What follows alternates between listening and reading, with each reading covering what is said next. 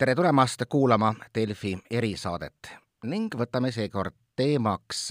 niinimetatud referendumi, millega meid ähvardatakse nüüd siis järgmiste kohalike valimiste ajal, aga referendum just selles mõttes, et kuidas tunnevad ennast need, kelle vastu see võib olla suunatud on. mul on väga hea meel tervitada enda vastas Kristiina Rauda, kes on Eesti LGBT kogukonna siis nägu siin Eestis, et äh, kuidas, kuidas teile tundub, et mis siis on sellise nagu referendumi äh, tegelik eesmärk, kus pannakse mis iganes vormis küsimuse alla, et kas abielu peaks olema tingimata mehe ja naise vahel? no siin võib vastata olenevalt sellest, kes vastab, aga kui me vaatame, kes, kes seda kõige rohkem tagant utsitab, kelleks on EKRE kui me vaatame nende eh, möödunud samme ja sõnavõtmisi ja kuidas nad on suhtunud siis teatud inimestesse, teatud kogukondadesse, siis äh, mina ütleks, et nende eesmärk, et see on EKRE eesmärk, on äh, jagada inimesed praegu õigeteks ja valedeks äh,, ajada inimesed selle põhjal leeridesse ja mobiliseerida oma toetajaid ja koguda hääli ja mitte ainult järgmistel valimistel, vaid ka pikemas perspektiivis. ja selleks on valitud selline hea vaenlase kuju, kelleks on praegu valitud LGBT inimesed. seda me oleme näinud ka teistes riikides, hiljuti juba kõige lähemal ja kõige, kõige teravamalt Poolas. Äh, ja see on selline nagu klassikaline turundustrikk, et loome probleemi, pakume selle lahendust ja siis, äh, ja siis äh, suuame sellel lainel. Ma just lugesin huvitavat intervjuud Fabrice Houdariga, kes on siis ÜRO inimõiguste nagu volinik ja, ja ta just tõi näitena, et ehkki tegelikult kogu maailmas selline üldine tolerantsus LGBT vastu kasvab, siis poliitikud kasutavad üha rohkem neid ära kui, kui ettureid enda mingisuguste mm, perekonna ja muude teemade tõstmiseks, et siis vastavalt hääli saada ja kui te tõite näite Poolast, siis Poolas suisa ju näiteks väga markantse näitena on võimul olev partei eh, hoiatanud suisa LGBT diktatuuri eest, mis tuleb. et mis, mis tundeid tekitaks tek,, tekitab see teis, kui ollakse niimoodi noh, nagu riigi poolt suunatud vaenu sihtmärgiks? viisakaid sõnu kasutades jube kehv tunne on, et et need asjad, mida räägitakse LGBT inimestest, et noh, ilmselgelt, kuigi ma töötan LGBT ühingus, ma ei saa alati rääkida kõikide inimeste eest, aga, aga siiski, et kui ma näen, et geid või lesbid või transsoolised inimesed on järsku kuidagi kurjast ja nende õigusi tuleb piirata või, või kuidagi takistada üldse kunagi nende võrdsete õiguste saavutamine, siis seda on, seda on valus kuulata, et noh, ühingus töötamine on mu töö et töö mõttes äh, teeb see minu jaoks asjad väga keeruliseks, sest et ma näen, et, et jube raske on nagu progressi saavutada, aga ma olen ka inimene, see puudutab mind ka isiklikult. ja see ikkagi läheb hinge, mitte ainult mulle, vaid ka minu, minu sõpradele, minu töökaaslastele, et, et mida nagu vaenulikumaks see õhkkond läheb, seda rohkem inimesed äh, noh, nagu üldse kahtlevad oma elukvaliteedis ja selles, et millist nagu täisväärtuslikku elu nad üldse kunagi suudavad saavutada, et kõik, isegi kõige kõige julgemad ja kõige sellise tugevama hingega inimesed minu ümber on näiteks mõelnud, et, et meil on siin pere, meil on siin lapsed, aga paneme selle maja ehituse praegu pausile, et me ei tea, kas me saame Eestis mõne aasta pärast rahulikult edasi elada. et see on nagu päris suured probleemid. ja mida nagu viitate, ongi see, et selline vihakõne, mis olemusega ka, ka noh, on tegelikult ju nakkav, ongi toonud kaasa täiesti igapäevaselt nagu teistsuguse reaalsuse, kui, kui oli varem ja see kindlasti aina kasvab ja ma siinkohal, ma pean oluliseks just seda nagu seda nimetamist äh, vaenuks, mitte vihaks, sellepärast et inimene mõtleb, et ma ei ole ju vihane, et see ei puuduta mind, aga vaen võib avaldada igasuguste asjadest, võib avaldada vihaselt, aga see võib avalduda ka selliste pisikeste märkustena, et no võib-olla teie ikkagi ei peaks lapsi saama või võib-olla teie ikkagi et, et, et ärme siis nagu teile täisõigusi anna, et teil ei ole ju häda midagi või et te saate ju alati mujale kolida, et sellised nagu noh, seda nimetatakse nagu mikroagressioonideks, et sa elad sellega, et sul pidevalt kuskil kuklas on nagu pisikesed stressorid, mis lõpuks annavad kokku selle, et, et sul ongi väga ebamugav ja ebaturvaline elada omas kodus. no põhimõtteliselt jah, see on nagu see tunne, et, et, et ikkagi meie ja teie ja teie olete ikkagi natukene nagu, nagu vähe, vähemate õigustega kui, kui meie, selline klassikaline lähenemine jah, jätab küll niisuguse mulje, aga, aga ma et kus see meie ja teie piir jookseb, et noh, et, et meie oleme ka ju noh, kellegi pereliikmed, lapsed, et mul on ju ka vanemad, mul on elukaaslane, minu kolleegidel näiteks sõpradel on, on lapsed, on, ma ei tea, kassid-koerad, ostavad kodusid, käivad tööl, maksavad makse, et kus see meie-teie piir ikkagi täpsemalt läheb siis? no samas oli mul väga meeli ülendav vaadata, vist eelmisel sügisel tuli välja üks Eurobaromeetri uuring, mis näitas, et vaatamata kogu sellele poliitilisele retoorikale, olid täiesti ootamatult muutunud eestlased eh,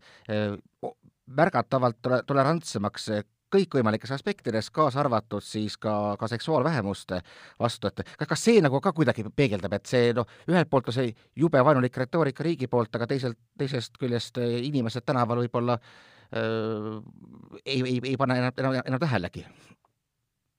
mm,? nojah, selles mõttes sellist tendentsi näitab ka näiteks Eesti Inimõiguste Keskuse uuring, et tasapisi küll, aga, aga see toetus ja nagu selline mõistmine ikkagi kasvab, et et see toetus ei tähenda ju seda, et inimene peab nüüd äh, kahe käega kallistama kõiki ja mõtlema, et küll te olete toredad, vaid see on pigem see, et, et inimesed ei näe probleemi selles, kui neist erinevad inimesed saavad ka normaalselt elada. Et ähm, ma arvan, et igapäevaelus võib-olla see nagu nii väga, see positiivne selles mõttes tegelikult ei kajastu, sellepärast et, et need, kellel ei ole probleemi või need, keda midagi ei häiri, ei kipu rõhutama, et mind ei häiri aga need, keda häirib või need, kes äh, võib-olla nagu õhutavad seda, ütlevad, et teid peab see häirima, sest see on probleem. et need on muutuvad aina valjuhäälsemaks, et isegi kui seda positiivset võib-olla inimese nii-öelda igapäevaelu tasandil saabki nagu rohkem tunda või noh, seda saab rohkem tunda selles mõttes, et sul on võib-olla vähem probleeme lihtsalt inimestega suhtlemises, aga need sõnumid, mida sa iga päev saad äh, poliitikutelt, avalikkuselt, äh, sotsiaalmeediast, et see näitab ikkagi väga tugevat sellist negatiivset tendentsi. On teil mingisugust ka ütleme tagasisidet, et sellist, et, et noh, näiteks naabrid vaenavad kedagi, kes elab enda samas trepikojas puhtalt sellepärast, et neil on teistsugune seksuaalne orientatsioon, et see nagu on tõesti ka niimoodi igapäevatasandil tunnetatav um...? no meieni, selles mõttes me oleme nagu huvikaitseorganisatsioon, kui me räägime nüüd ühingust, et meieni jõuavad ikkagi päris erinevad lood. et midagi sellist väga agressiivset väga palju juhtuks, et need on pigem sellised noh, sellised vägivallajuhtumid juba. Aga eks neid märkusi on äh, noh, ma võin öelda, üks keskmine LGBT inimene on mingit märkust enda pihta elu jooksul kuulnud ikka vähemalt paar korda. et jah, meieni on küll jõudnud äh, lood sellest, kuidas kas naaber vaatab natuke viltu või võib-olla isegi ütleb midagi või, või võib-olla tööl keegi suhtub natukene sellist pingestatult, aga noh see ongi see, et, et ühelt poolt on lihtne öelda, et ah, saa üle, et see sind ju ei puuduta, aga samas, et kui mugavalt sa ennast ikka tunned, kui sinu kõrval on inimesed, kelle puhul sa tead, et, et nad sinusse suhtuvad halvasti millegi tõttu, mida sina ei saa isegi kontrollida. kuivõrd on see suhtumine rahvuspõhine, ma mäletan, meil oli Vene Delfis stuudios üks gei noormees, kes ütles, et noh, tema nagu hästi ei kujuta ette, et venekeelses keskkonnas saaks üldse oma partneriga käest kinni kõndida. aga see oli, ütleme, juba kaks aastat tagasi? Mm, jah, no kui me räägime Eestis, äh, siis äh, paraku tõesti sama avaliku arvamuse uuring, see Inimõiguste Keskuse oma, et, on ka näidanud, et, et äh, ütleme, eesti ja venekeelsete inimeste seas kipub see arvamus ikkagi üsna erinev olema. Ja üks selle põhjused võib olla see, et, et venekeelne rahvastik tarbib oluliselt rohkem just Venemaa meediat. Ja ilmselgelt Venemaal räägitakse sellest hoopis teistmoodi. Seal on suuremad probleemid, suuremad piirangud, suurem vaen, et äh, või nagu ja ka suurem või nagu rohkem, ütleme sellist äh, eksitavat informatsiooni, et see kindlasti mõjutab, aga noh, ei saa öelda, et kõik venekeelsed inimesed on noh, ühe puuga löödud. Ja selline kas vaenulik suhtumine või lihtsalt mittemõistmine ei ole kindlasti ühegi mingi rahvuse või keele noh, loomulik osa, et see kõik oleneb sellest, mis infot keegi saab ja kui palju on inimesel üks-ühele kontakti kellegagi. Et kui näiteks ütleme siis selles samas venekeelses mm, kogukonnas LGBT inimesed tunnevad ennast ebaturvaliselt just selle tõttu, mida, mis infos nad elavad, siis seda vähem tõenäoliselt nad tulevad ka välja oma identiteediga ja seda vähem tõenäoline on see, et mõni venekeelne inimene puutub otseselt kokku mõne LGBT inimesega, et see kõik toidab üksteist. et mida rohkem on nagu sellist äh, ausaid vestlusi ja turvalist keskkonda, seda rohkem on ka kokkupuuteid ja siis tõuseb ka mõistmine et kui me just, just jõudsime ka jutujärjega juba välismaale ja Venemaale, siis noh, okei okay,, Venemaa on omaette nähtus, seal on, see on ikkagi olemuselt autokraatia või diktatuur ja seal on vastu võetud ju homopropaganda vastased seadused ja muu selline asi, aga näiteks ka siinsamas Euroopa Liidus, kui me alustasime Poolast, kus räägiti veel paari aasta eest LGBT diktatuurist, siis nüüdsete valimistel öeldi suisa, et nii, et LGBT ideoloogia, mis iganes ta ka on, on, on hullem kui, kui kommunism, et noh, kuidas, kuidas te kokku puutunud just oma kas või eh, ka kaaslastega Poolast, et kuidas, kui, nemad tunnevad, et kuidas asjad nii kaugele läinud on ja, ja kui, kui, kui, kui hirmus see seal kohapeal tundub? seda on, seda on hirmus meelgi kuulda ja valus, ehk siis ei, ei suuda ette kujutada, mis tunne seal päriselt kohal on olla, et tegelikult sellist vaenulikku äh, kampaaniat on Poolas veetud juba mitmeid aastaid. et äh, seal on äh, umbes sada kohalikku omavalitsust kuulutanud ennast LGBT vabadeks tsoonideks. see oligi kohe kolmandik, kolmandik Poolast umbes territooriumi poolest vist. jah, jah, et kui selle kohta tehti märkus, et LGBT vabad tsoonid tähendab põhimõtteliselt siis nagu inimestest lahtisaamist, siis nad tegid äh, keelelise paranduse ja muutsid ennast küll LGBT ideoloogia vabadeks tsoonideks, aga, aga noh, ega see paremaks ei tee, sellepärast et LGBT on nagu, on sõna inimeste kohta, mitte ideoloogia kohta, et ei ole olemas ideoloogiat, samamoodi nagu öelda, no meil on ajaloost kahjuks võtta väga hea paralleel, et kui öeldakse, et juudi ideoloogia vabad tsoonid, siis inimestel läheks kohe noh, tulebki põlema, et see ikkagi on ohtlik, aga millegipärast LGBT kohta on okei okay praegu niimoodi rääkida, et see, et see paralleel võib tunduda dramaatiline, aga kui on pädev paralleel, siis on pädev. ja me oleme natuke suhelnud ka Poola, Poola inimestega, Poola aktivistidega et kui keda kuidagi huvitab, siis tegelikult ühingu Instagramis on olemas terve vestlus ühe, ühe Poola aktivistiga sel teemal um,. aga noh, selles mõttes nende jaoks ei olnud see võib-olla täiesti üllatus, sellepärast nagu ma ütlesin, mitu aastat on juba seda kampaaniat tehtud, et nendest on tehtud otseses mõttes rahvavaenlane, kellest on vaja lahti saada ja kellest äh, võib rääkida ükskõik mida, ilmselgelt enamik sellest infost on, on negatiivne ja väga-väga selline hirmutav, et kui mõni inimene ei teagi, mis see LGBT tähendab või mis inimesed need on, siis ta kardabki. ja nagu sellest inimesest saab ka aru saada, sest kui see on see info, mida talle antakse, siis, siis see ongi hirmus. aga samal ajal kannatavad ju need, kes nüüd selle pärast hirmus elavad, kui ka need LGBT inimesed, kes siis selle vaenu hirmus elavad. ehk siis, et äh, jällegi, kes, kelle huvisid see teenib äh, noh, president võitis sellega ja see valitsev võimupartei, et nemad võidavad, rahvas kardab ja nemad võidavad see taas niimoodi natukene kinnitab sellist üldist klišeed, et noh, nii-öelda tagurlik Ida-Euroopa ja siis on nagu lääs, kus on mõnevõrra teisiti, samas kui ma mäletan, kui, kui legaliseeriti samasooliste abielu Prantsusmaa, tuli ka seal välja vähemalt tänavatele tohutud rahvamassid kõik selle vastu, et kuivõrd selline nagu noh, pisut selline stampidesse panek, et noh, tegelikult toimib, et ongi Ida-Euroopa, mis on ühes suunas ja, ja lääs, mis vaatab teisele poole mina isiklikult äh, ikkagi väga väldiksin selliseid lihtsustamisi äh,, sest et see on ohtlik, siis ongi lihtne öelda, et vot ütleme, vanad on sellised ja noored on sellised või mehed on sellised, naised on sellised, et äh,, et see võib viia üsna nagu ohtlike ümadusteni. aga,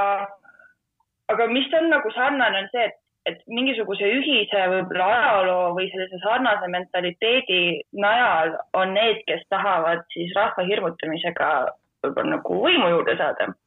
et nemad on küll üpris sarnased, et läänes on võib-olla just see nagu üksteise mõistmise protsess on nagu kauem kestnud ja seal on nähtud, et mitte midagi halba ei juhtu, kui minust teistsugused inimesed saavad lihtsalt rahulikult elada. aga meil just noh, Ida-Euroopas siis ütleme, meie ajaloo tõttu on see protsess toimunud väga kiiresti ja inimestel pole aega olnud harjuda, pole aega olnud nagu õppida selle kohta, ega keegi pole õpetanud ka, et samamoodi nagu kui me noh, Euroopasse nii-öelda läksime, siis äh, tahtsime ju raha ja, ja kõike seda nagu head materiaalset, aga nagu inimõigused olid midagi niisugust, et mida peab lihtsalt noh, peab võtma üle, aga, aga noh, et võtame lihtsalt selleks, et saada teed korda, et, et, et väga suuresti on puudu just sellist inimõiguste nagu haridusest üldiselt rahva seas. kes seda teeb, kes seda tegemata jättis ähm, et, et kui inimestele pole öeldud, miks mingi asi hea on, siis neile tundubki, et see on peale surutud, et mis siin imestada ja nüüd me siis teeme seda kiirendatud korras, äh, tegeleme mitme asjaga, et meil on siin äh, kliimaküsimused, vähemuste küsimused, pagulased, Eesti enda probleemid, ütleme mingi vaesusega ja sellised asjad, et, äh, et kõike on korraga väga palju ja mis on parata, et inimesed valivad, mis on neile kõige lähem ja mis on kaugem, on vähem tähtis. nii et põhimõtteliselt, kui me paneme ennast mingile skaalale, kus, kus on lääs, kus on meie, siis võib-olla asi ei olegi nii halb, et me lihtsalt astume praegu mõnevõrra kiiremas tempos läbi kõike seda, mis, mis selle, milleks seal oli pärast sõda ikka väga palju rohkem aega ma arvan küll jah, aga see ei tähenda, et me ei pea seda läbi tegema, et, et need inimesed, kellel on praegu raske, ükskõik mis põhjusel, nad ju on praegu ka olemas, et me ei saa öelda, et kannatage viiskümmend aastat, siis me hakkame teiega tegelema, et noh, ma ei usu, et keegi sellega väga nõus oleks, et kui on praegu vaja teha, siis, siis teeme praegu ära. Nii, aga tuleme nüüd praegu Eestisse. Eesti tegelikult läbis väga olulise äh, teetähise mõne aasta eest, kui võeti vastu kooseluseadus, ütleme paljudel kaartidel, kus varem oli Eesti nii-öelda punane, muutus ta noh, kas kollaseks või roheliseks vastavalt, et ikkagi on võimalik siis tegelikult ka samasoolistele paaridele oma kooselu registreerida ja, ja noh, me teame ka väga hästi, et need rakendusaktid pole järgi tulnud, et kuidas see nüüd tegelikus elus see kooseluseadus toimib, et rakendusakti ei ole, samas õigus tegelikult on, et mis, kuidas see nagu välja, välja näeb? See näeb välja keeruline. inimesed siiamaani täpselt ei saa aru, et siis, et, et, et, et mida nad siis saavad teha ja kuidas nad saavad seda teha. et, äh, et omajagu on olnud äh, kohtulahendeid, kus siis kohus äh, mitte ei tee äh, ütleme Riigikogu tööd, nagu mõni võib arvata, vaid äh, kohus lahendab neid puudujääke, mis äh, siis Riigikogu on tegemata jätnud. et kui on seadus, siis see seadus peab toimima ja kui see seadus ei toimi, siis äh, viimane lahendus inimeste jaoks ongi kohtusse minna. ja tegelikult õnneks ongi mitu kohtulahendit, mis, äh, mis teevad inimestele elu nagu lihtsamaks, mis puudutab näiteks äh, oma, oma kaasa siis lapse lapsendamist näiteks aga enamik, enamik probleeme tekib sellega, et esiteks kooseluleping ja abielu ei ole selles mõttes võrdväärsed, et ähm, abieluga tuleb hästi palju asju automaatselt kaasa et sa ei pea mõtlema, sa lihtsalt sõlmid selle lepingu, et sul on kõik need hüved, mis sa saad sellega, on kaasas. kooselulepinguga, kui kooseluleping ei olegi mõeldud abieluga võrdne olema, aga lihtsalt, mis puutub inimeste siis reaalsust, ongi see, et, et see on kallim, seal peab hästi palju nüansse läbi arutama. et see on nagu kulukam nii ajaliselt kui ka noh, paberimajanduse mõttes ja rahaliselt ähm, suur probleem on ka see, et, et kui sa koosellud, siis sinu seda kooselu ei kanta rahvastikuregistrisse ja noh, inimene, kes ei ole sellega kokku puutunud, mõtleb, et võib-olla, et mis siis, noh, see on kõigest üks mingi süsteem kuskil arvutis, aga rahvastikuregister näitab noh, kõigile, kes vähegi peavad teadma, et, et sa oled mingis suhtes, näitab kõigile, et sul on õigus mingeid toiminguid teha, ma ei tea, mingi pangad, reisid, tervise mingid teenused, kõik, kõik, kõik. ja kui sind ei ole seal registris, siis sa ei ole ka suhtes, nii et sul jääb väga palju nagu tegelikult asju tegemata ja mis sa siis käid oma kooselulepingu paberiga ringi ja tõestad kõigile, et noh, see jällegi ei ole ju mõeldav. nojah, kuni, kuni, kuni umbes selleni välja, et kui, kui partner jääb haigeks, siis võib arst öelda, aga kes teie olete, et te küsite informatsiooni tema kohta? täpselt, täpselt või kui, või kui ei ole ka antud äh,, äh, olete näiteks äh, koos lapse saanud, et noh, ütleme üks partner on siis sünnitanud ja teine peaks siis olema see teine vanem seal registris, aga kui ta ei ole, siis kui ta läheb näiteks reisile omaenda lapsega, siis võib ta kinni võtta, sest et ta on võõra lapse ära võtnud mm. -hmm. ma, ma, vaat, mäletan vist jurist Jevgeni Kristofovitš märkis huvitavat nüanssi, et kui on jutt praegu sellisest äh, referendumist ja, ja abielu põlistamisest, siis kõige kindlamad liidud praegu on kooselulepingud, kuna neid pole vist võimalik isegi la-, mitte, mitte lahutada. Nendega on segane lugu jah, et, et esiteks nende sõlmimisega ei ole kõik notarid nõus ja nende lahutamisega on veel vähemad nõus, et äh, seal on ka vist praegu läbiv see ähm, nagu otsus on see, et, et pigem läbi kohtu, et isegi kui ma sõlmisin, siis ma lahutama seda ei hakka nii, kogu selle eh, taustal ma saan aru, et, et eh, kui ma vaatan ka nagu mujalt maailmas, mida öeldakse siis, eh, et kuidas muuta ühiskonda tolerantsemaks, siis üks vastus vist on ikkagi see, et, et ainult räägime ja räägime, räägime, ehk siis kõik nagu need võima-, kõiksugused ähm, seadused ülevalt poolt tulevad ähm, suunised kellegi üngritele, et, et, et olge, olge omaette ja ärge tulge välja, et see tegelikult ähm, on, on just see, mis siis äh, hoiabki tegelikult pro-, pro-, progressi tagasi? äh, ärge tulge välja, mis mõttes, lehvitama või valima? ärge, ärge, ärge tulge, tulge välja lehvitama, ärge tulge oma paraadidele, ärge rääkige sellest teemast, olge ja te, teid keegi ei puutu. ja see on ka üks paradoks, millega ma oma töös olen kokku puutunud, et ühelt poolt inimesed ei saa aru, mis, mis meil siis puudu on, et mida me tahame, et öelge mulle konkreetselt, seletage mulle, mida te tahate, et siis ma saan aru aga samas, niipea kui me hakkame seletama, siis öeldakse, ei, te lehvitate, ma ei taha teada, ärge tulge peale suruma. et äh, olemegi sellises nagu sihuke paras pähkel, et kuidas rääkida, aga ärritamata, et noh, siin ei, siin ei saa võita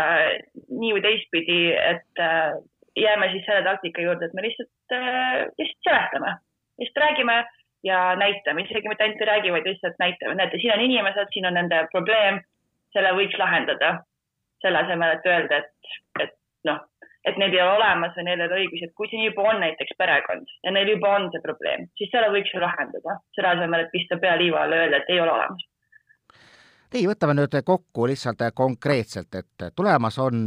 referendum, rahvahääletus, no põhiseadust muutma keegi ei hakka, aga ikkagi, kuidas nüüd äh, sellesse suhtuda, kus mis iganes küsimus pannakse, aga noh, teemaks on ikkagi see, et kas abielu peaks olema mehe või,